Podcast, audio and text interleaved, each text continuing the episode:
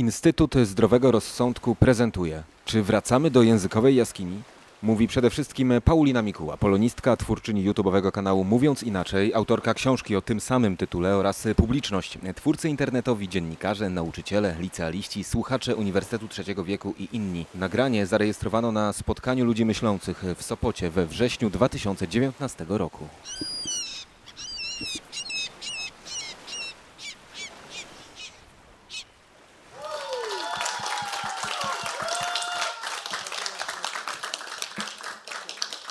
Dzień dobry. W ogóle was nie widzę. Przyszłam z notatkami. Można się teraz ze mnie śmiać, ale widzę, że nie. No dobrze.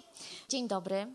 Prawdopodobnie ma być luźno, więc postaram się nie dziamdziolić zbyt długo. E, Nie ukrywam, że bardzo liczę tutaj na dyskusję z waszej, e, z waszej strony. e, Dlatego, że o przyszłości polszczyzny, bo o tym będę dzisiaj mówić, warto dyskutować, a nie uskuteczniać monologi. Kiedy ym, przygotowywałam się do tego mojego wystąpienia, kupiłam książkę, Kolejny żart nie wszedł, ale ja jestem dzielna. Nie. Książka y, to zbiór referatów y, autorstwa językoznawców oraz zbiór komentarzy do nich. Ja wiem, że to może nie brzmi zbyt interesująco, ale naprawdę ta książka jest godna polecenia i godna przeczytania. Nazywa się Przyszłość Polszczyzny, Polszczyzna przyszłości. Ja sobie właśnie do niej zajrzałam i nie ukrywam, że kilka cennych wiadomości z niej wyciągnęłam i będę się nimi z wami y, dzielić. I pierwsza cenna informacja jest taka, ona absolutnie będzie mm, odmieni wasz los i spojrzenie na język, ponieważ okazuje się, że na nasz język, na to jak mówimy dziś i najprawdopodobniej na to, jak będziemy mówić za jakiś czas, mają wpływ dwie rzeczy, dwie obszary, dwie sfery, jak zwał, tak zwał. Pierwsza to język angielski, druga to media. Mocne, prawda? I takie głębokie, i, ta, i odważne, naprawdę zrewolucjonizowałam teraz wasze myślenie. I ja wiem, że tak nie jest, i ja wiem, że to wydaje się oczywiste i banalne, ale kiedy zaczniemy się przyglądać, jak to działa i w jaki sposób to się odbywa, to być może jednak coś was zainteresuje. No bo na przykład okazuje się, że my z języka angielskiego wcale nie zapożyczamy tak jak na przykład z języka niemieckiego jakiś czas temu. Czyli pojawiła się cegła albo zegar i o, jak to nazwać? I nagle mamy niemieckie słowo, więc je cyk do polszczyzny i już mamy słowo, już wiemy jak nazwać zegar, jak nazwać cegłę i rynek i, i tak dalej. Dziś z języka angielskiego zapożyczamy trochę inaczej, dlatego że język angielski jest językiem międzynarodowym. Chyba się zgodzicie ze mną, prawda? Że to jest język, który dominuje, bo on jest wszędzie. Tym językiem posługujemy się w nowych technologiach, co jest Wam bliskie, posługujemy się w nauce, w różnych dziedzinach nauki. No bo i fizyka, matematyka, medycyna, chemia to również głównie język angielski. Więc my dziś trochę inaczej do tego języka podchodzimy. Jak to powiedziała profesor Kłosińska, ja pozwolę sobie to zacytować, bo jest to bardzo mądra myśl. My dziś tworzymy kod oparty częściowo na języku angielskim i częściowo na języku rodzimym. I to szczególnie widać na przykład w korporacjach, bo wy pracujecie, pewnie ktoś z was pracuje w korporacji, prawda? I te asapy, follow-upy, to jest wszystko dla was bardzo naturalne. Dla mnie do pewnego momentu nie było. Będę niedługo nagrywać o tym film, że warto się uczyć w ogóle tego języka korporacji, bo kiedy ja po raz pierwszy dostałam mail z ASAP-em w środku, to pomyślałam, jak tutaj środek przeciwbólowy pasuje do treści tego maila. I zamiast ogarnąć zadanie, to już szłam do apteki.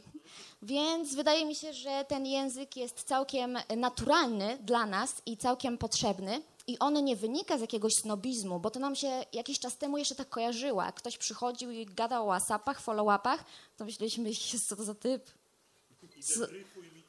Tak, jakieś briefy, jakieś deadline, naprawdę, ej, serio, nie można po polsku? No nie do końca można po polsku. Też mamy takie stopki ładne. Senior, executive, manager, account. Nie, nie wiem jak to jest, ale może to się wydać takie pretensjonalne, ale prawda jest taka, że pracujemy w firmach, które są albo międzynarodowe, albo mają partnerów międzynarodowych. Jeździmy na szkolenia, na warsztaty, mamy wideokonferencje, mamy kole, więc ten język jest dla nas po prostu językiem naturalnym. Od razu mi się też przypomina e, język graczy komputerowych i w ogóle język internetu. Znaczy ja nie gram, ja znam tylko to z opowieści i, i po, potwierdźcie, jeśli mam rację, jeżeli nie mam, to mi, to mi powiedzcie też, że nie mam racji. E, Kiedy człowiek wchodzi do takiej gry, która leci z serwera, tak, czyli musi się podłączyć do internetu, żeby w nią grać, no to tam takim głównym językiem jest też język angielski. Te wszystkie lagi, nie lagi, smerfy, nie smerfy. Coś w tym stylu, więc jeżeli dzisiaj człowiek chce być graczem komputerowym, to on musi naturalnie przejąć ten kod językowy, który nie jest językiem polskim. Więc chcesz ucze- uczestniczyć w tym świecie, no to przejmujesz ten język. I ten język trochę staje się taką naszą drugą naturą, więc może być tak, jak przewidział językoznawca Bogdan Walczak, który powiedział, że być może za jakiś czas będziemy już trochę inaczej patrzeć w ogóle na język, e, którym się posługujemy, bo jednym językiem będzie ten język narodowy, czyli ten język w naszym przypadku polski, a nad nim będzie język międzynarodowy i będzie to język angielski. Po prostu będziemy się posługiwać i tym językiem, i tym. E, możecie się też zastanawiać, czy zawsze właśnie język angielski będzie tym językiem międzynarodowym. I gdybym was zapytała, czy uważacie, że właśnie zawsze język angielski będzie miał taką siłę i taką pozycję, to co powiecie? Nie tak, nie tak. A jeżeli nie język angielski, to jaki? To zależy. Zabraliście mi moje. Angielski ma dla nas dość łatwy próg wejścia. Um, no jako język europejski przede wszystkim. Um, miałam okazję uczyć się języka e, i arabskiego, i japońskiego i jest to o wiele trudniejsze dla nas, prawda, posługujących się alfabetem łacińskim, mających pewne indoeuropejskie podstawy, tak? Nauczyć się angielskiego to nie jest żaden problem. Nauczyć się chińskiego, japońskiego, arabskiego to już wymaga trochę zmiany myślenia, które oczywiście nie jest wielką filozofią, ale jest już pewnego rodzaju wysiłkiem. Tak, to na pewno będzie trudniejsze, żeby na przykład nauczyć się chińskiego, ale prawda jest taka, że Chiny są coraz silniejsze tak gospodarczo i działają na coraz szerszym e, obszarze, e, więc może być tak, że za jakiś czas ten chiński, angielski zdetronizuje, no i wtedy trzeba będzie trochę więcej wysiłku włożyć. Już Arlena nie pomoże. Ciekawostką jest to, że jeszcze- kilkaset lat temu my tak samo jak dziś angielski traktowaliśmy język francuski i też jak się zastanawialiśmy, czy coś zdetronizuje francuszczyznę, to mówiliśmy nie, no, nie, ma, nie ma takiej szansy. No i nagle przychodzi angielski i nagle wszyscy ingliszują. Są też tacy ludzie, być może ktoś z was również ma takie podejście, że ta angielszczyzna denerwuje. E, Ja na przykład dwa lata temu e, wzięłam udział e, w Zamościu w takim spotkaniu ze mną i tam użyłam słowa super Mm, i za jakiś czas wstał pan i zapytał, musiała pani użyć słowa super, nie można było bardzo. Więc to jednak pokazuje, że cały czas tego typu słowa y, irytują ludzi. Ale tacy ludzie naprawdę są i, nie trzeba jakoś źle do nich podchodzić, po prostu taki mają stosunek do polszczyzny i, i już. No bo oni cały czas boją się, że polszczyzna zginie, że będziemy mówić językiem angielskim. Język angielski stanie się naszym językiem narodowym. O to bym się nie martwiła, bo wydaje mi się, że my cały czas, znaczy nie wydaje mi się, tylko, że, tylko raczej wiem, że my język angielski spolszczamy, a nie odwrotnie. Nie zangielszczamy polszczyzny, tylko spolszczamy język angielski. Więc sobie też potrafimy zapożyczać słowa takim klasycznym sposobem, czyli po prostu no, pojawia się nowe zjawisko albo nowa rzecz. Nie mamy słowa polskiego, bo nie mamy też takiej tradycji, żeby wymyślać polskie odpowiedniki, tylko po prostu sobie zapożyczamy. No i teraz dużo y, słów wpada z języka angielskiego. Ale tak jak mówię, nie obawiałabym się, tylko zaczęłabym właśnie patrzeć na, na to troszeczkę z szerszej perspektywy, czyli język narodowy jako ten język pierwszy, ale nad nim język międzynarodowy, którym teraz jest język angielski. Natomiast y, teraz przeszłabym do tego, jak media wpływają na nasz język i tutaj to można by napisać cz- cztery prace naukowe o tym. E, My pewnie będziemy o tym dyskutować, bo wydaje mi się, że dużo do powiedzenia będziecie mieć na ten temat jako osoby, które funkcjonują w mediach. Tytuł tego mojego wystąpienia to to, czy wracamy do językowej jaskini. No pewnie tak, że trochę. W jakimś stopniu wracamy do kultury obrazkowej, ale jeżeli... Tak, tak i właśnie ja do tego dotrę.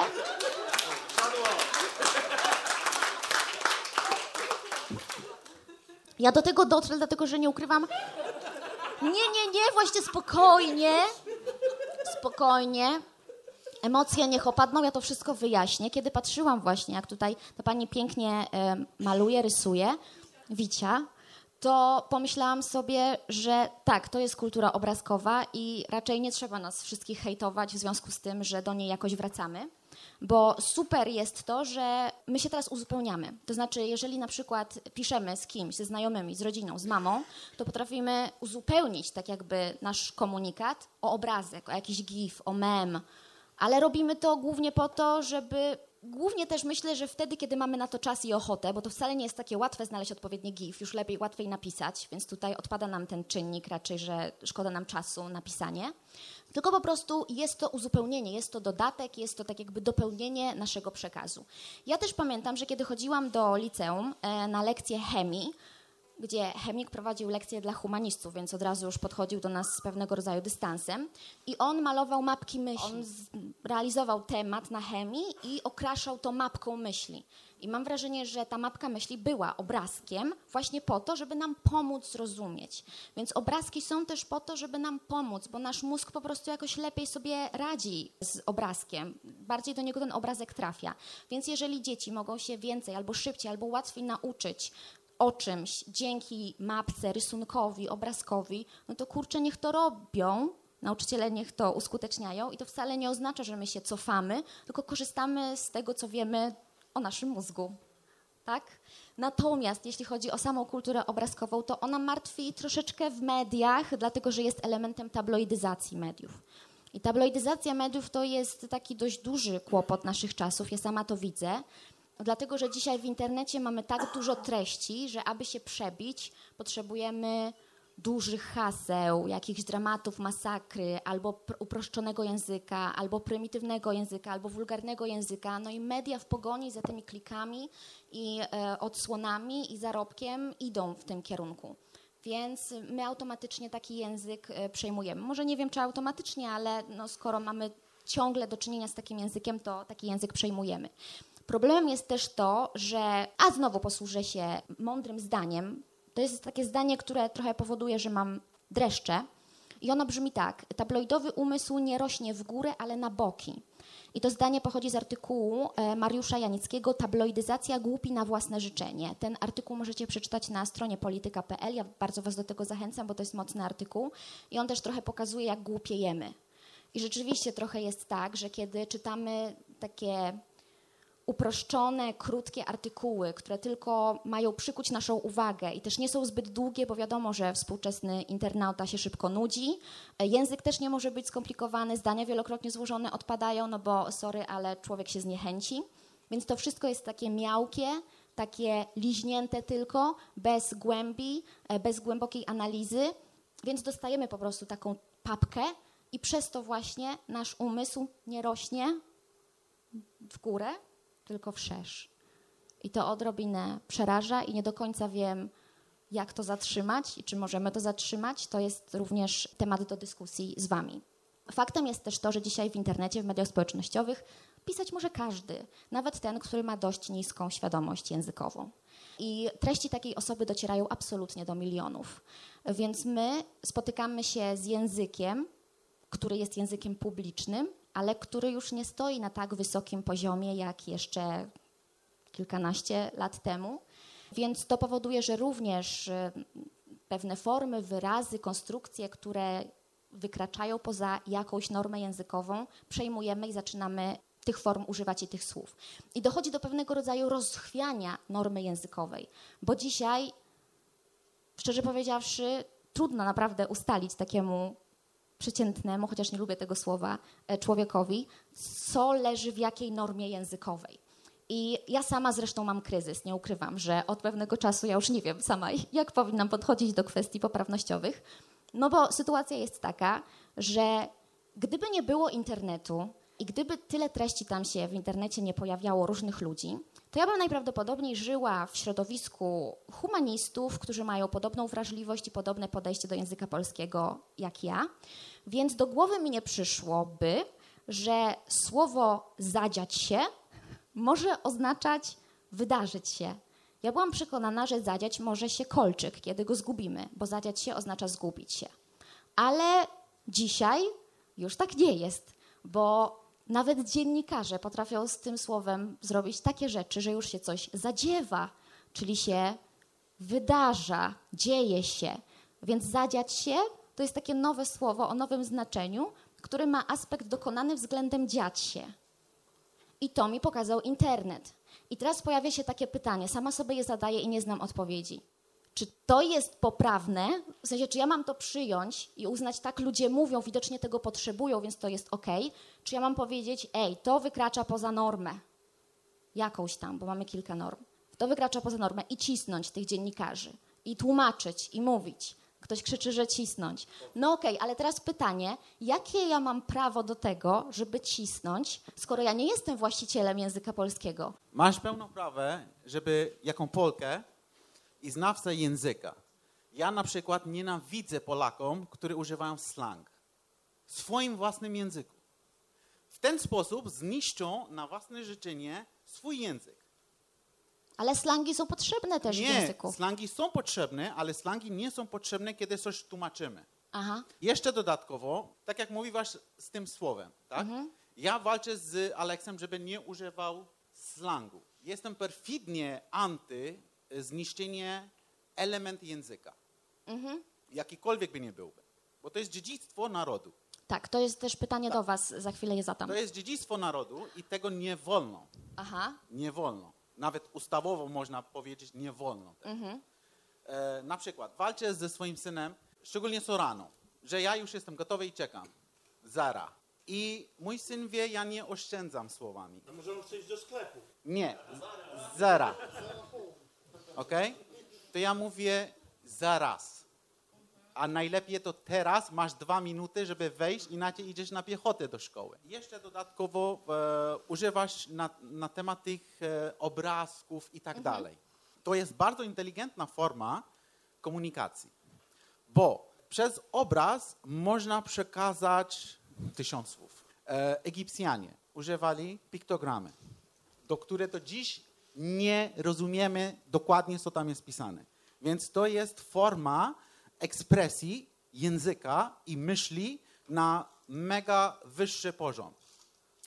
W mojej kulturze hinduskiej my też mamy piktogramy. Też musimy rozumieć to. Co się stało, że to się wszystko skiepściło?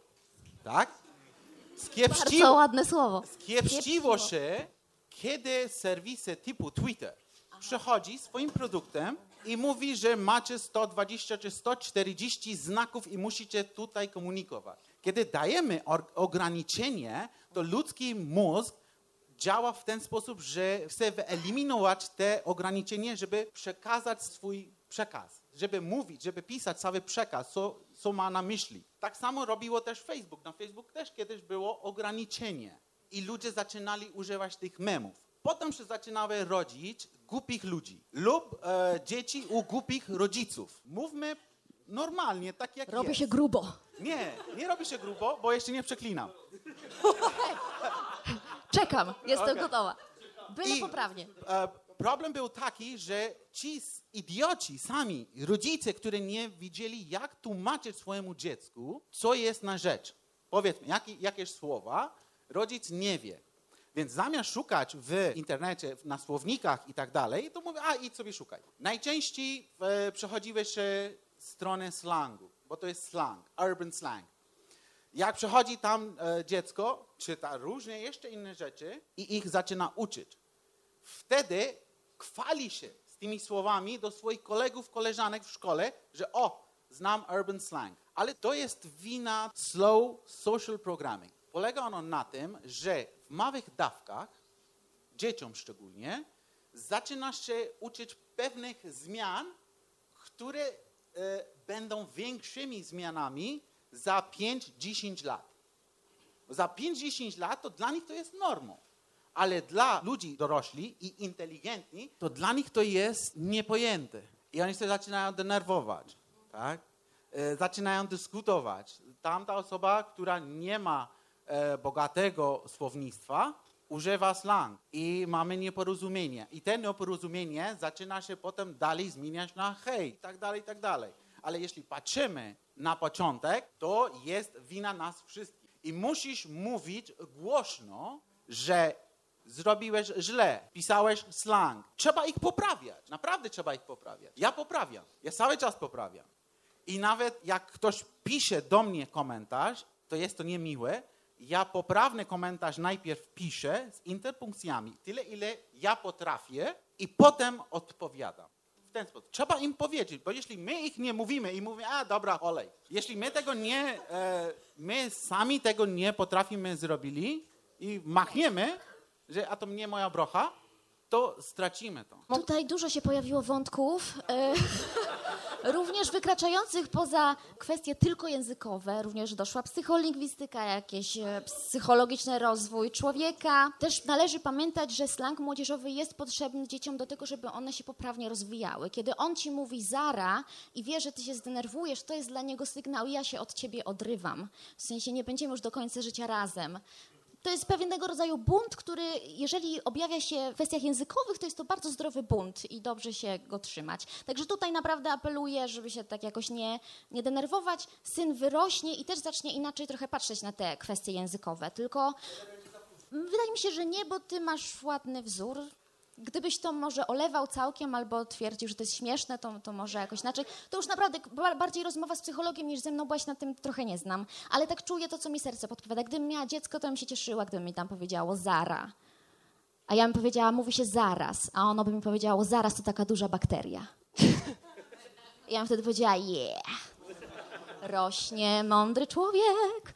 Ale, ale to tak łatwo teoretyzować, kiedy się nie ma tych dzieci. Potem pewnie człowiek by bardziej e, ciśnieniował.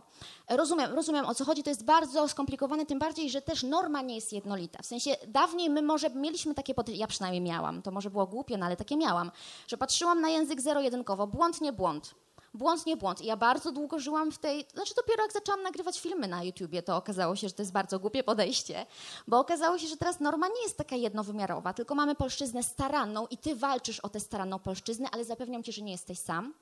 Mamy też polszczyznę użytkową i tutaj z kolei też są różne rodzaje, czyli polszczyzna potoczna regionalna, to są regionalizmy, zawodowa i taka codzienna, użytkowa. No i w tej polszczyźnie właśnie ogólnej, potocznej tam się dzieją różne rzeczy i tam właśnie włożyłabym to zadziać się w nowym znaczeniu. Ja na przykład no, nie czuję tego, żebym podeszła do pewnego dziennikarza i powiedziała mu, słuchaj, nie, nie możesz tego tak używać. Tylko bym powiedziała, licz się z tym, że to jest bardzo potoczne znaczenie, takie, no, taki neosemantyzm nam się tutaj zrodził, że ktoś może ciebie słuchać i uznać, ej, to co on powiedział nie ma sensu. Więc do ciebie należy decyzja, czy chcesz być dziennikarzem, który używa takiego języka niezrozumiałego dla niektórych, czy raczej wolisz posługiwać się takimi e, ogólnymi słowami, które nie będą niektórych razić. To jest już decyzja tego dziennikarza. Tylko, że właśnie ja już powoli staram się nie mieć do tego wszystkiego takiego emocjonalnego e, stosunku i nie przejmować się tym, że ktoś nie przyjmuje mojej e, argumentacji, bo po prostu nie czuję się na tyle silna i nie mam tak dużego autorytetu, nie mam tak dużego, może w ogóle nie mam mandatu e, do tego, żeby ciśnieniować bardzo. Mm, no i, no i też nie jestem osobą tutaj rozstrzygającą. Każdy ma prawo do języka polskiego w takim samym stopniu. I niech sobie sam rozstrzyga względem swojego sumienia a jaki my mamy dawać wzór i jak się tutaj zachować jako influencerzy, to to również jest kwestia do omówienia podczas tej dyskusji. Jeszcze na jedną rzecz chciałabym zwrócić uwagę, jeżeli chodzi o język social media. Ciekawe jest to, że poprzez social media społecznościowe język prywatny stał się językiem publicznym. Czyli to, co jeszcze niedawno y, omawialibyśmy z przyjaciółmi, z rodziną, z mężem, z żoną, z babcią, z mamą, tatą, dzisiaj omawiamy na Insta Stories. I używamy języka prywatnego. Czyli to jest język prosty, emocjonalny, chaotyczny, też wulgarny. Więc ten właśnie język staje się językiem publicznym. E, a zdarza się, że niektóre relacje na Insta Stories ogląda kilkaset tysięcy ludzi, więc tacy, tyle ludzi dostaje taki przekaz. Ej, wow, ona powiedziała zajebiście, to chyba mogę już mówić zajebiście w szkole. Głośniej niż do tej pory. E, tak sobie myślę. E, więc widzę tu pewnego rodzaju zagrożenie, ale też nie czuję się na tyle jakoś silna, e, żeby mogła mówić tym ludziom, ej, robisz źle. Bo w zasadzie to nie wiem, czy to jest źle może właśnie taki przekaz, kiedy ludzie używając takiego języka stają się bliżsi swoim widzom, to może to jest dobre. No. Nie wiem, to jest, jakieś, to jest jakaś strategia marketingowa, żeby się zbliżyć, żeby udawać, że oni są naszymi kumplami. To jest szeroki temat. Ja nie czuję się kompetentna, żeby to omawiać. E, I jeszcze jest jedna rzecz. Mm, my czytamy teraz fragmentarycznie. To znaczy, jeżeli mamy ogłoszenie, sprzedam wędkę, koszt 300 zł, do odebrania pod tym adresem, proszę kontaktować się dzwoniąc na numer telefonu la la la la, to najprawdopodobniej pojawi się komentarz po ile ta wędka. Po prostu już ludzie i gdzie można odebrać. To jest kolejny. my czytamy teraz wyrywkowo i tego nas chyba też nauczyły te tabloidy, z tabloidoz... Wiecie o co chodzi. Media, które uległy tabloidyzacji. Dziękuję. Tego właśnie nas nauczyły, że nasze mózgi już po prostu nie są w stanie skupić się na całości, tylko tak pyk, pyk, pyk, pyk, pyk i robimy z siebie następnie głupka w sieci. No i jeszcze pojawia się kwestia dotycząca roli językoznawcy, bo nie wiem, jaki wy macie stosunek do językoznawców. Czy wy uważacie ich za autorytety w dziedzinie językowej? Czy to raczej ludzie oderwani od rzeczywistości, którzy tylko się mądrzą, jeszcze używają języka nie do końca zrozumiałego dla was? Czy kto to jest? Bo wydaje mi się. Słucham? Szanuję.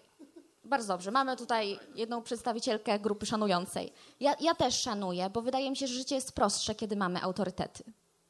Kiedy nie mamy autorytetów, to trochę nam trudniej. A, a ludzie tracą teraz autorytety i to nie tylko jeśli chodzi o język polski, lecz także, wspólnie skorelowany nie tylko, lecz także. A to są właśnie takie zmaczki. Ja tam lubię, ja po prostu lubię takie rzeczy.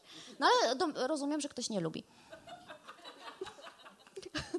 To, jest to ryzyko, kiedy człowiek buduje zdanie e, zbudowane znaczy, no, podrzędnie.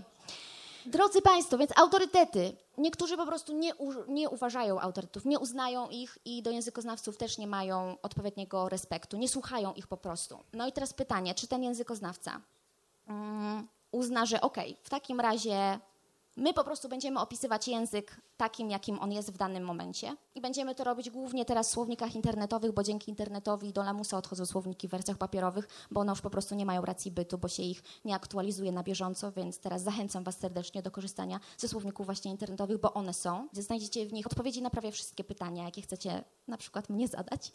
Więc może być taka właśnie rola językoznawcy, opisujemy, ale właśnie może być to rola, która polega na tym, że oni chronią to dziedzictwo kulturowe, jakim jest język. Więc i opisują, i chronią. Czyli właśnie grożą tym palcem, mówiąc, no zadziać się to nie, niekoniecznie. Chciałam odnieść się do jednej rzeczy, którą powiedział Wiren pod tytułem, bo ten zły Twitter i te proste komunikaty. Otóż ja się tu powołałam na jedną z mądrzejszych filmów, które, właściwie dużo takich było, które było u Karola Paciorka na temat poezji. Poezja to jest precyzja języka i wybaczcie, ale jeżeli ktoś na Twitterze potrafi w chaotyczny i prosty sposób przekazać myśl, a nie w precyzyjny i dokładny, znając słowa, to naprawdę chciałabym poznać tę osobę, bo Twitter to jest precyzja języka, a nie jego chaotyczność. To jest po pierwsze. I jeżeli ktoś wypowiada się na Twitterze tak, że w 160 znakach albo w 240 jesteś w stanie dokładnie zrozumieć, co on mówi, to znaczy, że on ma naprawdę bogaty zasób słów i nie sztuką jest wypowiadać się w zdaniach 40-krotnie złożonych, bo A sztuką potem rów- gubić sens? tak, tylko sztuką jest też umieć powiedzieć to krótko i to też jest coś, czego się należy nauczyć. To jest jedna rzecz. Druga rzecz, Paulina, to jest rzecz do ciebie, bo ty mówisz, że nie czuję się kompetentnie, bo ja nie wiem, czy ja mogę. Otóż ja uważam, że każdy z nas to, co może i co jest jego ogromną mocą, to jest moc wyznaczania moich granic akceptowania pewnych rzeczy.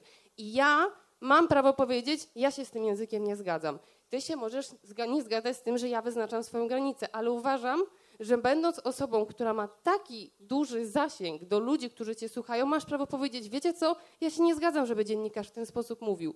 I ty nie mówisz ludziom, jak oni mają myśleć, tylko ty im pokazujesz, jaki jest system twoich wartości i, dla, i że język dla ciebie jest ważny i pokazujesz jednocześnie, że język dla innych też może być ważny, bo dla mnie też jest język ważny. I ja też ważę słowa, jak jestem naprawdę czasem jestem wkurwiona, naprawdę i wierzcie mi, bardzo trudno jest nie powiedzieć ja pierdolę, ale naprawdę potrafię powiedzieć jest mi ciężko widzieć pewne sytuacje, bo to się da zrobić. Tylko to trzeba umieć wyrażać się i trzeba umieć mówić i trzeba znać swój język i go szanować i szanować go zarówno za to, że jest slangiem, zarówno za to, że jest językiem potocznym, publicznym i prywatnym.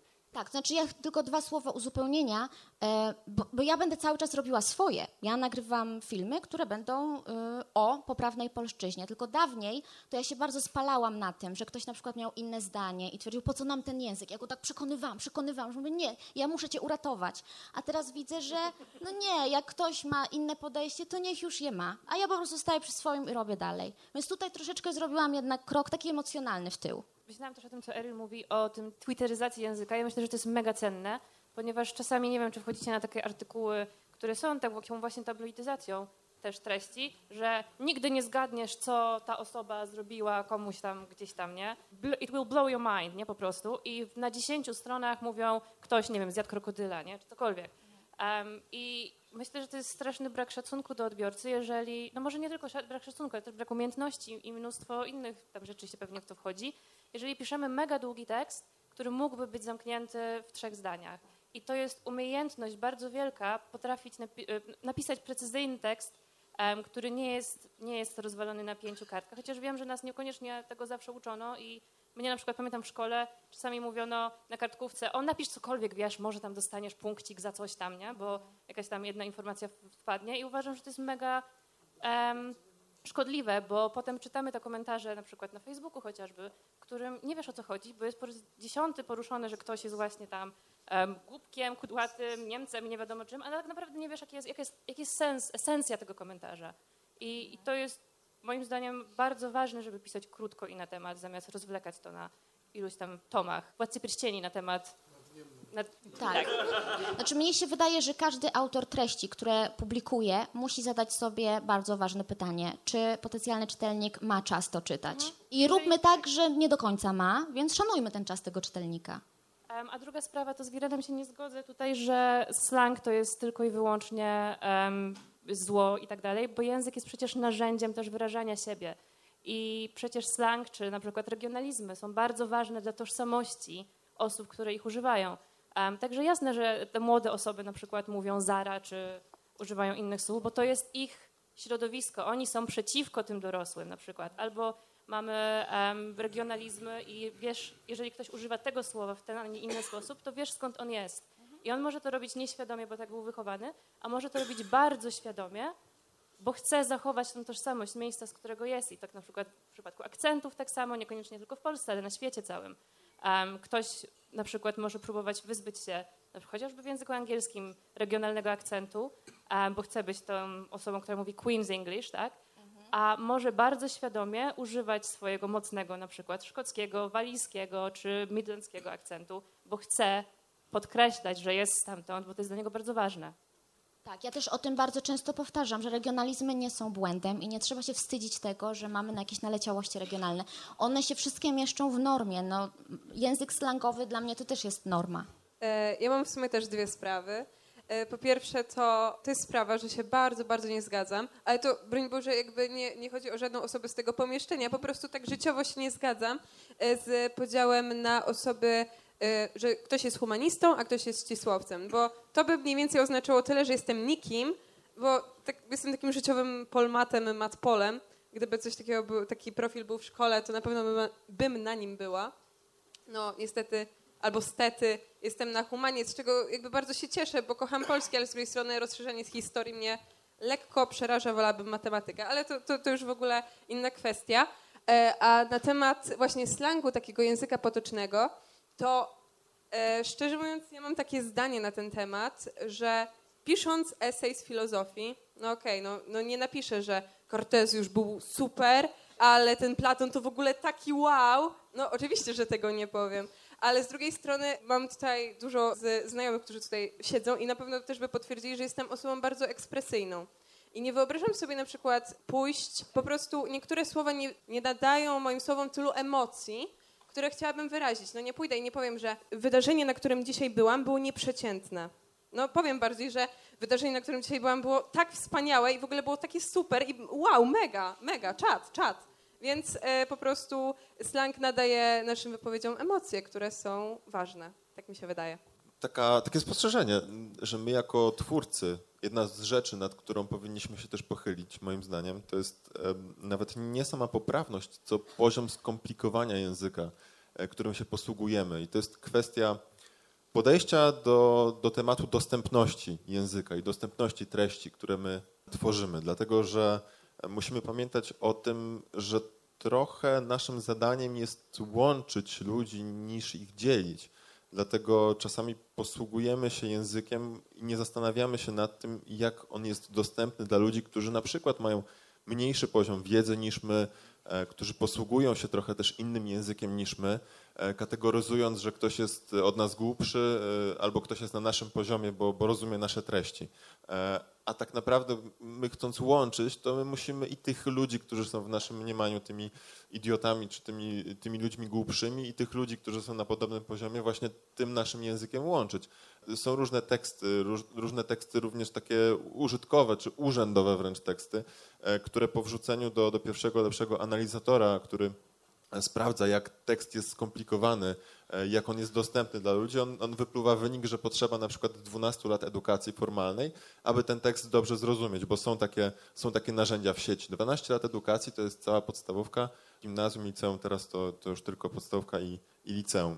No powiem szczerze, że nie sądzę, żeby wszyscy odbiorcy naszych treści e, byli na pewno na takim poziomie edukacji. Znaczy nie, nie sądzę, żeby wszyscy byli w stanie e, czasami takie teksty zrozumieć, dlatego ta dostępność, nawet jeżeli e, my musimy zmusić się, żeby napisać coś prostszym językiem, to musimy o tej dostępności pamiętać, bo nie wszyscy są e, na tym samym poziomie, a my chcemy ich, ich włączyć do, do tej naszej grupy odbiorców, do tego, żeby oni nasze treści rozumieli, żeby je rozpowszechniali dalej. Jeżeli tak się nie stanie, to, to ludzie posługując się właśnie tym prostym językiem, e, przekazujący inne wartości, z którymi my się nie zgadzamy albo których nie, nie chcielibyśmy my przekazywać, oni będą ich włączać do, e, do swoich odbiorców, więc, więc to jest też e, nasza rola, żeby, żeby umieć mówić tak i projektować tę komunikację w taki sposób, żeby ona była, żeby ona była uniwersalna w jak największym stopniu, jak to jest możliwe. Brawo, tak, i to jest bardzo trudne też. No dobra, to ja chciałam powiedzieć, że e, zacznę od tego, że ja najczęściej jestem najmłodsza w towarzystwie, więc ja się wypowiem jako reprezentantka pokolenia milenialsów e, i trochę tych, no jedna z najmłodszych, i trochę tych milenialsów obronię, bo ja jestem fanką e, tego, jak język się zmienia. I od razu zaznaczę, że kocham język polski, po prostu Bralczyka sobie czytam do poduszki, bo jestem może zboczona i Miotka sobie analizuje, każdy tam swoje za uszami ma. E, ale uważam, że tutaj to samo, co, co dziewczyny powiedziały przede mną, za co, za co im bardzo dziękuję, że ten slang jest nam potrzebny. Jest, slang jest potrzebny młodemu pokoleniu, żeby żeby umiał się ze sobą przede wszystkim komunikować, nie z dorosłymi, ale, ale ze sobą, tak jak funkcjonują różne profesjonalizmy, czyli mowy środowiskowe potrzebne danym środowiskom do sprawnej komunikacji. My nie musimy rozumieć różnych terminów prawniczych i medycznych jako osoby spoza branży, ale ważne, żeby ta komunikacja danej branży przebiegała sprawnie, więc nie ma co się czepiać, że e, język, którego używa dana profesja, nie jest dostępny dla wszystkich, bo po to on e, jest. E, co do tego Twittera, to też e, zgadzam się z dziewczynami. Ja uważam osobiście, że zamknięcie swojej myśli w 140 znakach, czy ile to tam teraz jest, 280, no 280 znaków, to jest naprawdę bardzo dobre ćwiczenie umysłowe. To uczy konkretyzowania swoich myśli, czyli zupełnie różnej rzeczy od tego, czego uczy nas szkoła, a szkoła uczy nas najczęściej lania wody. Szkoła nas uczy, że wypracowanie ma mieć pięć stron, nawet jeżeli e, na jednej stronie datę eseju historycznego powtórzysz tą samą osiem razy. Więc wydaje mi się, że Twitter jest tutaj bardzo dobrym takim takim antagonistą, żeby, żeby tego się nauczyć, żeby nauczyć się tego, jak konkretnie wyrażać e, swoje myśli.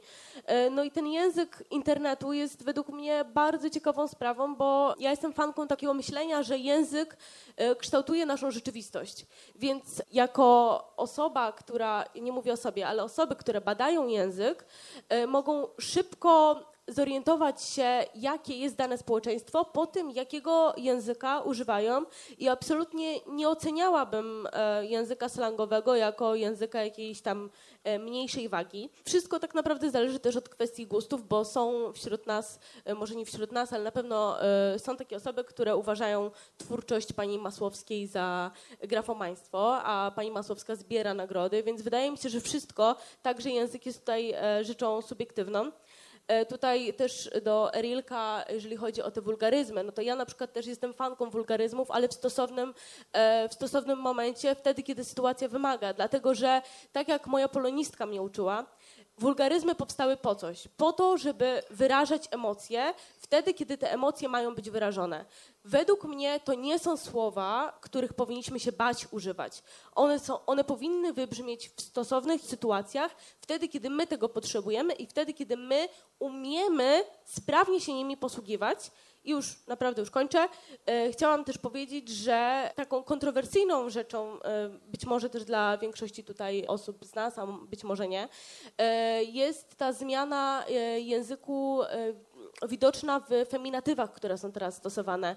Ja jestem ogromną fanką feminatywów i mimo, że spotykam się z osobami, które mi powiedzą, że nie ma takiego zawodu jak prezydentka, to w mojej głowie jest taki zawód, ponieważ widzę panią w spódnicy, panią w szpilkach, ba, widzę panią w spodniach i w adidasach, ale jest to pani, która uprawia zawód prezydenta i dla mnie to będzie prezydentka. Dziękuję bardzo. Fajnie, e, fajnie, że mogę mówić po tobie, bo, bo bardzo się z wieloma rzeczami, które powiedziałeś, zgadzam. Natomiast e, my myślę, cały czas zapominamy, że to pisanie jest określoną formą twórczą. I teraz, jeżeli weźmiemy sobie językoznawców, to no, co tu dużo mówić, wielu z nich tworzy pewne bardzo sztywne reguły. Moim zdaniem wiele z tych reguł się nie zmienia od wielu lat, a język, jak wiadomo, jest bardzo żywy. Ja miałem, podzielę się swoim doświadczeniem, gdzie e, wydawałem pierwszą książkę i w zasadzie dostałem do tego specjalnego redaktora w wydawnictwie, dlatego że chodziło o to, żeby po prostu utrzymać pewnego rodzaju formułę pisania bez e, jak gdyby totalnego zniszczenia określonych emocji czy określonych rzeczy, które w tej książce były. I to jest rzeczywiście dobry sprawdzian, szczególnie w wydawnictwach, żeby tego nie, nie ugładzano, mówiąc krótko, na wszelkie możliwe sposoby. Natomiast jeśli mówimy teraz o tych relacjach kulturowych, no to jest ich trochę, tak? Bo kto pamięta z filmu zapożyczenia typu i skończyło się rumakowanie, tak? Ze Szreka, czy to jest po polsku. Pojechał psami i pazurą, tak? Kto pamięta skąd się to wzięło, jakie są skojarzenia. Nasi tu byli. Ja kiedyś Wiryna jeszcze, jak nie był Polakiem, pytałem, czy rozumie, e, co to znaczy nasi tu byli, tak? Albo wyzwanie dla tłumacza. Proszę przetłumaczyć taką frazę publiczności anglojęzycznej, o co chodzi, tak? Krzysztof Jarzyna ze Szczecina, tak? To samo zadanie. Proszę to przetłumaczyć na, na język angielski.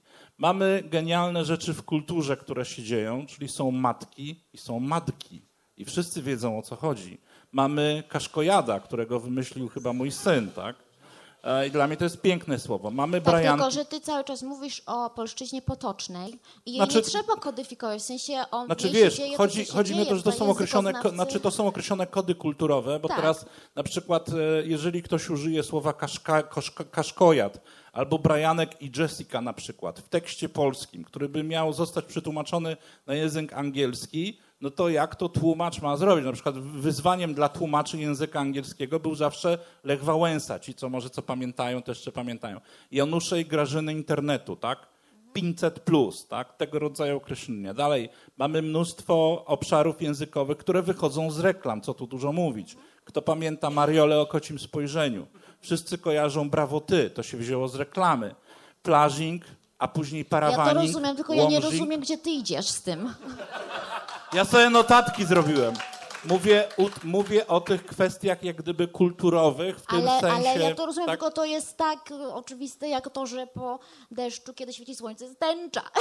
Dobrze, okej, przyjmuję, Rozumiesz? No przyjmuję tak, uwagę krytyczną, mówiąc... Zadanie tłumacza jest bardzo trudne, on czasami musi się wykazać nie mniejszym artyzmem Esencja, niż autor. esencja, dobrze, esencja jest następująca. No. To, co mnie najbardziej boli, to jest ta wulgaryzacja języka, która się pojawia e, i kiedyś pamiętam była dyskusja, jak to przecież wulgaryzmy muszą się pojawiać w stand-upach.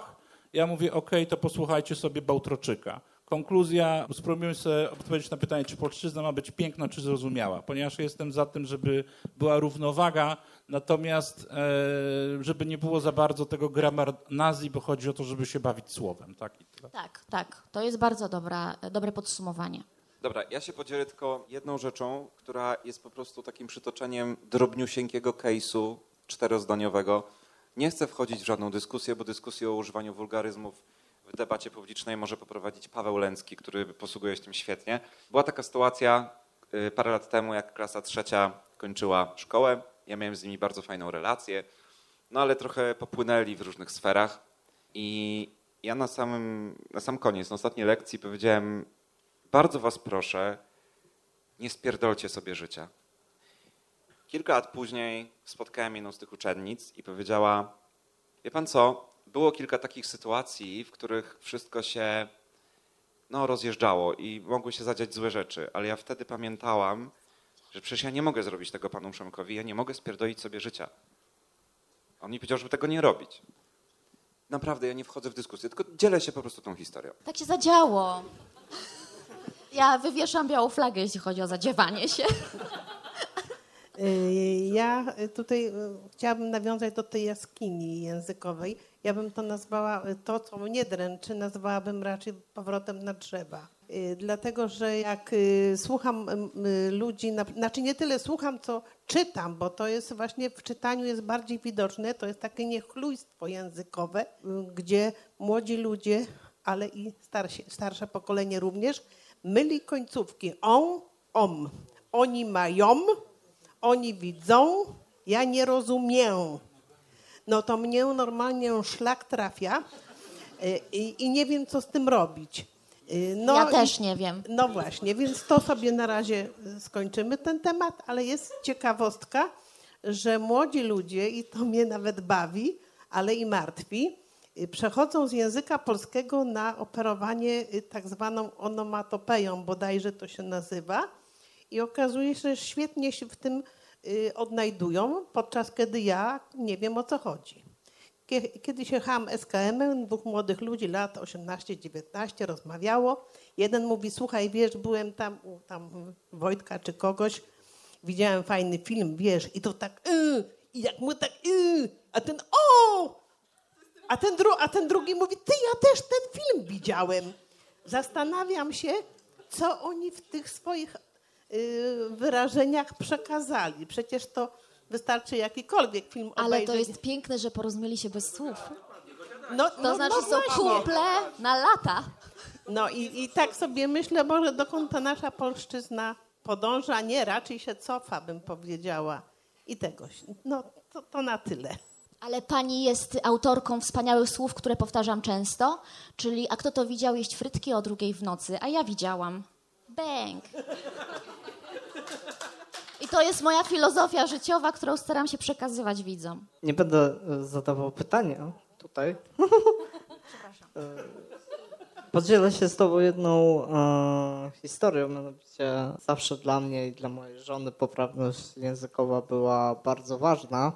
Jedynym autorytetem językowym, który kiedyś miałem, był profesor Miodek, ale jakoś tak na przestrzeni czasu chcę Ci powiedzieć, że mam nowy autorytet, jedyny autorytet e, w kwestiach językowych i to jesteś Ty. Dziękuję i kontynuuj swoją pracę. Wow. Ale wiecie co, ja dzięki tej książce, o której wspomniałam na początku, zrozumiałam, kim ja jestem, bo ja, bo ja nie wiedziałam. Ja cały czas czułam, że to, gdy ludzie nazywają mnie bralczykiem spódnicy, to to jest przegięcie, bo ja nie jestem językoznawcą, ani żadnym mózgiem, ani miodek z piersiami, nic z tych rzeczy. I właśnie autorem jednego referatu był taki pan i po tym referacie pojawiła się dyskusja i językoznawcy zaczęli pytać, ciśnieniować o różne jakieś szczegóły.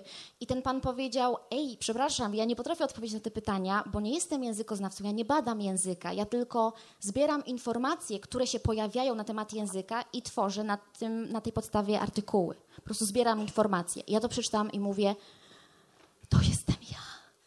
W sensie ja też nie badam języka, się nie zajmuję językiem na co dzień, nie analizuję go, nie piszę artykułów na ten temat naukowych, ale badam, po prostu szukam informacji. Boże, nie badam, tylko szukam, zbieram informacje i potem to, co zebrałam, publikuję w postaci filmów, więc nie jestem bralczykiem spódnicy. No bo może właśnie chodzi o to, że nie jestem tym językoznawcą. I kiedyś byłam e, na Wydziale Polonistyki na jakiejś konferencji i właśnie jeden z e, prodziekan mi powiedział, że, że dużo studentów ogląda mnie i cały czas o mnie wspomina. I ja właśnie jakoś rozmawiając z nim o mojej roli w ogóle w tej, w tej całej sferze, powiedziałam, że moją zaletą jest to, że ja nie mam żakietu. W sensie, że ja nie mam garsonki. I tylko ten fakt powoduje, że od razu mnie się inaczej słucha, że mam bluzę albo t-shirt. Pamiętajcie proszę o tym, żeby mnie nie zestawiać z tymi językoznawcami, bo ja języka nie badam i nie znam go tak dobrze jak oni. Po prostu zbieram dla was informacje. Dobrze. Jestem popularyzatorką. Tak, bardziej tak, popularyzatorką, tak. A jeżeli ktoś widzi we mnie autorytet, no to ja mogę tylko uklęknąć i ucałować dłoń. Ale to jest fakt, bo od Pauliny kanał bardzo dużo nauczyłem mówienia poprawnie po polsku. Wiren mi napisał, że dzięki mnie zdał ten tak, egzamin na egzamin Polaka. też. Okej. Można e, powiedzieć, że urodziłam człowieka. ta, e, Prawie. No dobra. Powiem tak. Moja cała ta mowa co do Twitter i Facebook, ograniczenie było w obecnych sytuacji, taki jaki jest w tej chwili. Dodatkowo, nawet nie wiem ile w Polsce my mamy teraz poetów współczesnych i nie wiem, czy poezja pisana w tak krótkich wyrazach będzie rozumiała dla ludzi, które podstawowe słowa nie znają. Okay? To jest numer jeden. Numer dwa, zadam prosty przykład. Hindi teraz nie jest hindi, tylko jest Hinglish. Kiedy ja teraz medytuję i siedzę w okultyzmie, ten indyjski taki hardcore okultyzm i tak dalej, a mam czytać te stare teksty, czystym, czystym, czystym hindi pisane, to ja się wgłupieję. Ja muszę szukać te słowa, co te słowa znaczą. Jeżeli nowe generacje, dzieci, które będą przyzwyczajeni, my byliśmy przyzwyczajeni czytanie długich tekstów, poezję, wszystko. Ale nowe generacje mają ograniczenie. Dodatkowo zniszczenie jest języka. Mieszanie innych języków ze swoim językiem, żeby wyrazić swoich emocji, żeby wyrazić swojej, swojej myśli. To jest źle. To jest bardzo źle, że nie, ludzie nie potrafią swoich, e, swoich własnych języków, nie znają tych języków. I potrzebują pomoc łatwych języków, tak, tak jak jest angielski, żeby wyrazić. Teraz okej, teraz jeszcze żyjemy i my możemy poprawić tych ludzi. Za dwa generacje nie będzie nikogo, żeby komukolwiek poprawić. I wtedy stracimy kulturę, język i wszystko to, co jest wiązane z, z polskością, czy z hinduizmem, czy jakikolwiek inny system. Do tego się pije. Nie o kreatywności ludzka. Jeśli chodzi o kreatywność ludzka, to tam też jest potrzebna przestrzeń, żeby rozumieć te słowa. Jedno słowo na przykład z mojej kultury jest om. W tym słowo, jeśli my mówimy E, I, I, O, U, M, my mamy wszystkie słów, bo to są vowels. I z tego jednego słowa my możemy wyrazić wszystkich słów, tak? Ale tego trzeba rozumieć. Jeśli tego tej chwili nie damy tą, ten zastrzyk do, do dzieci szczególnie, nie będzie szans, żeby ten język przetrwał o dwie generacje. Jedna generacja tak, ale następna generacja nie. Wiele mi zabrał wszystkie, jak to się powie, strzały, bo e, chyba rozumiem, co on mówi, dlatego że też jestem obcokrajowcem, pomimo to, że już jestem też Polką. Ja bym się odniosła do tego, co mówił, że tak jak teraz powtórzył, że małymi dawkami, jeżeli dajemy coś złego, jak gdyby niepoprawnego, e, ja to widzę w czeskiej telewizji, jak ja przyjeżdżam po roku do Czech i oglądam telewizję i słyszę ten język niepotoczny, ale prawie wulgarny, e, nie mówię o slangu, to jest coś innego, tak? on jest uważany krok po kroku, tak jak tu narysowałam, tak jak Wirem powiedział, po małych dawkach za normalny, e, mi wstają włosy na głowie. Ale z drugiej strony wymagania w szkole są czasami za duże. Jak gdyby wymagamy od dzieci literatu- czytać literaturę, która była 500-600 lat. Oni tego w ogóle nie rozumieją. Dajmy w małych dawkach to, co jest teraz, ale jest dobrze napisane. Wtedy one będą naturalnie brały to dziedzictwo. My ich nie zaskoczymy tym, że oni odrzucą w ogóle literaturę. Tak jak moje dzieci, trójka z dzieci po prostu nie lubi czytać, bo muszą czytać nie wiadomo co. I po prostu wtedy ten domowy język też się powolutku będzie jak gdyby naturalnym. Do, na przykład mój mąż mnie e, przez 17 lat uczył mówić wziąć. Aż weszłam do szkoły i po prostu powiedzieli mi koleżanki, to nie jest wziąć, ale wziąć. W szkołach jest coraz więcej dzieci obcokrajowców. Te dzieci uczą się polskiego, uczą się od dzieci, ale też, też uczą nas i nasze dzieci, te polskie dzieci też się uczą różnych słów i miesza się te języki, tak? Czeski, polski, no czeski nie, polski, ukraiński, rosyjski, angielski i oni za chwilę będą takimi, mm, jak to się nazywa, elefancikami słownymi, tak? Oni będą mówili esperanto. I chodzi o to, daje, dawajmy im to, co, mają, co im, im jest bliskie. Nie chciejmy o nich po prostu poezję, nie wiem, Homera od razu, żeby zrozumieli. I dbajmy o ten język, bo to, co piszemy, e, jak gdyby oni przyjmują.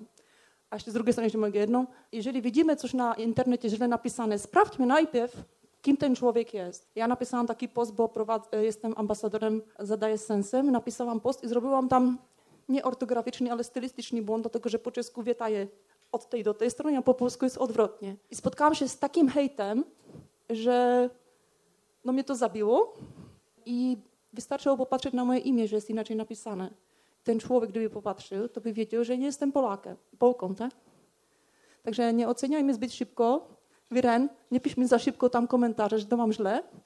Tylko napiszmy to tym, napiszmy to tym ludziom w Messengerze, bo możemy zabić. Okej, ja bym chciał po- powiedzieć coś troszeczkę z innej perspektywy. E, Tutaj Wicia też wspominała. Ja wierzę, że język się zmienia. Ja, ja sam mieszkam od 15 lat poza Polską, więc mi coraz trudniej się mówi w polskim języku. E, I a propos trafiania z naszym pisaniem czy tworzeniem do wielu grup, ja wierzę, że są różne grupy, prawda? Różne grupy, tak jak i społeczne. Niektórzy nie mają takich umiejętności z racji tego, że gdzie się urodzili, prawda, jak, jaki dostęp do edukacji mieli, czy, czy status społeczny, czy, czy pokole, z pokolenia na pokolenie, jeżeli w takim innym środowisku. Ale ja bym chciał, żebyśmy pamiętali, żebyśmy włączali wszystkich. Ja bym chciał, żeby moja, moja twórczość, włączali, tak, żeby moja twórczość trafiała do wszystkich. I ja bym tak, także chciał, żeby moja twórczość mogła trafić w przyszłości do ludzi niesłyszących, ludzi, którzy używają obrazków, peksa i tutaj zauważyłem często padały słowa właśnie ludzie bez edukacji, mniej inteligentni i tak dalej. Ale może pomyślmy, jak zrobić, żeby trafiać do wszystkich na ich poziomie. Dziękuję. Jak kolega mam doświadczenie mieszkania poza Polską od 13 lat em, i język się zmienia.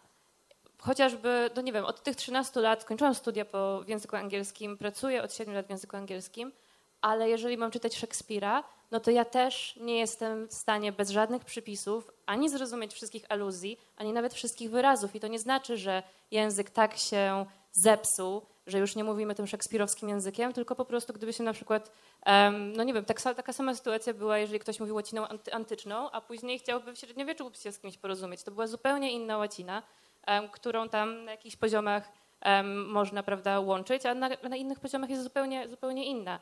I myślę, że gdybyś próbował przeczytać tekst, e, nie wiem, po polsku pisany sprzed kilkuset lat, to również miałbyś, e, miałbyś, potrzebowałbyś wytłumaczenia albo potrzebowałbyś przygotować się do tego czytania i to też nie znaczy, że nasz język tak się zepsuł.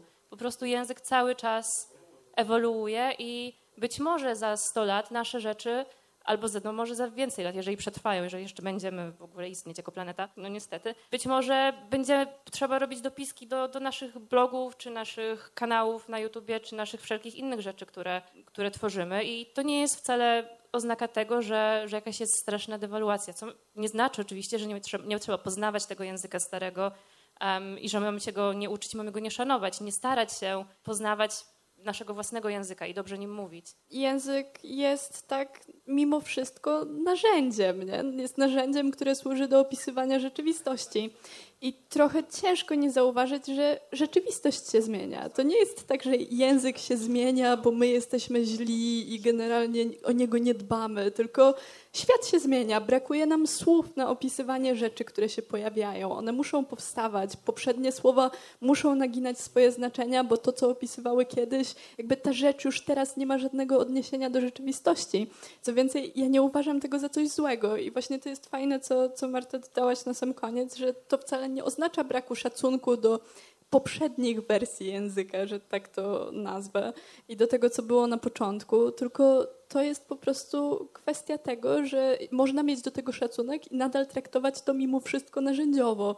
I jeśli tego języka nie będziemy aktualizować, to też nie jest słowo, które było kiedyś przecież, to zabraknie nam możliwości skomunikowania się w rzeczywistości, która no, nie pasuje do dawnego słownika. Tak, tak to wygląda właśnie.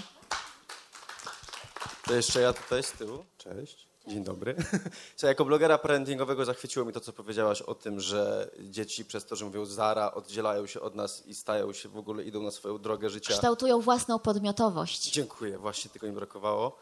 kształtują własną podmiotowość. Przecudnie. To trzeba powiedzieć na maturze, kiedy się zdaje ustną i jest zagadnienie slang. Jakie znaczenie slangu? Przekażę.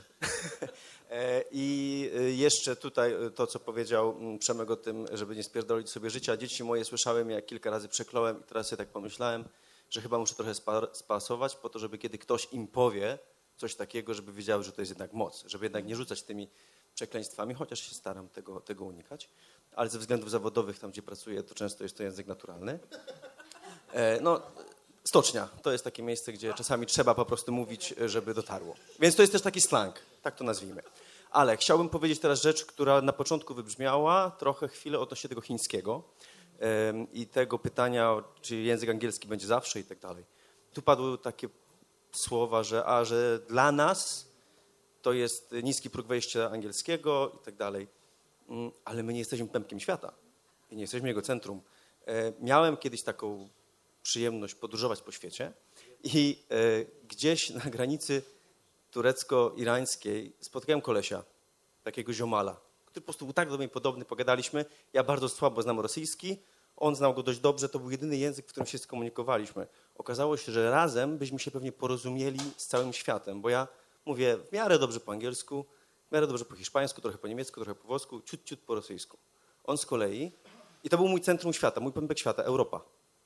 Dla niego pępkiem świata był język irański, język perski, zaczynał mandaryński, język rosyjski i chyba jeszcze uzbecki albo kazachski, nie pamiętam teraz.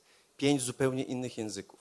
Mógł się pewnie porozumieć z większą liczbą ludzi niż ja tymi językami albo podobną. Także pamiętajmy, my nie jesteśmy pępkiem świata. Druga taka obserwacja odnośnie pępka świata. Jak byliśmy w Nowej Zelandii, tam mapy wyglądają zupełnie inaczej niż nasze, bo ich środek przechodzi przez południk 180. Więc Europa jest gdzieś tam taka malutka daleko. I o tym myślę, że warto, warto pamiętać. Dziękuję. E, Czas nas strasznie goni, ale rzucę tylko takie hasło. E, Szekspir w oryginale mimo wszystko żyje jako wzorzec cały czas, ale tłumaczenia językowe są aktualne maksymalnie przez 50 lat, czyli co 50 lat, już nie mówiąc o tym, że ży, żyją czasami równoległe, równoległe tłumaczenia, tak? I ten przetłumaczył tak, ten przetłumaczył inaczej i to są smaczki, ale niestety to pokazuje, jak szybko język się starzeje, jak często trzeba go aktualizować. Także to jest twór żywy. Nastał ten moment, kiedy mam dwa mikrofony w rękach, więc będziemy powoli kończyć, ale skorzystam z tego, że mogę. I chciałem się y, podzielić y, dwiema rzeczami tak na szybko. Y, 100% racji z y, odpowiedzialnością dziennikarzy i, i, i mediów y, za język i taka moja y, prośba i do ciebie i do wszystkich w zasadzie. Nie bójcie się dziennikarzom zwrócić uwagę, że powiedzieli coś źle, że użyli niewłaściwego słowa, że nie wiem, pomylili konstrukcję językową, bo jeżeli oni się na to obrażą, to nie najlepiej o nich świadczy, a nie o was, że zwróciliście im na to uwagę. Także y, myślę odwagi w tej kwestii. I a propos Twittera jeszcze, bo to jest bardzo ważne, co Emil powiedziała. Precyzja języka, ona nie dotyczy tylko Twittera. Ja myślę, że dotyczy generalnie i wpisów na Instagramie, które się pojawiają często coraz dłuższe, i mm, wpisów na Facebooku, no generalnie wszelkich takich dłuższych treści. Y, Że myślę, że o tę precyzję języka powinniśmy starać się wspólnie zadbać, a do Twittera wracając, ja go często używam i, i, to jest też takie podstawowe narzędzie mojej pracy. Uwierzcie mi, że zdarza mi się pisać te 280 znaków 15 minut czasami. I, i, I wydaje mi się, że to jest niemożliwe, że kurde, ja tego nie przekażę ludziom, a muszę jakby, nie dość, że muszę siebie, znaczy wyrazić jakąś tam swoją myśl, to jeszcze muszę dość precyzyjnie opisać jakiś fakt, tak? I, nie, nie mogę sobie pozwolić na interpretację tego, na zostawienie czegoś, co, co może gdzieś tam potem ludzi wprowadzić w błąd. Jest to gimnastyka dla umysłu i niejednokrotnie, wielokrotnie miałem takie sytuacje, kiedy mówiłem sobie, nie, to jest nie do zrobienia i tego nie zrobię. Dobra, nie będę o tym pisał, nie wiem, napiszę tekst na stronę, wrzucę link, żeby sobie ludzie mogli... Ale nie poddawałem się i można, nie mm, ujmując niczego jakby językowo te- temu, temu przekazowi, nie że tam y, czteroliterowe skróty i, i domyśl się czytelniku, co autor miał y, na myśli. I polecam w ogóle to jako ćwiczenie. Myślę, że to jeżeli możemy jakąś konkluzją zakończyć tę e, tę sesję, to, to ta precyzja jest bardzo ważna. Nie wiem, czy się zgodzicie z tym, ale ja mam takie odczucia, nie chciałem tam się wcinać po, po drodze. Oddaję tutaj mikrofon, chyba że Paulina jeszcze chcesz coś dodać i spuentować to wszystko. Ja mam tylko może takie jedno pocieszające podsumowanie. Naprawdę jest mnóstwo ludzi, którym na sercu leży los języka polskiego i dbają o ten język i o tym świadczy liczba osób lubiących różne strony poświęcone poprawnej polszczyźnie i mój kanał też, więc naprawdę wydaje mi się, że językowi nie grozi katastrofa. Odetchnęliśmy z ulgą. Dziękujemy Ci bardzo, Paulina. Dziękuję.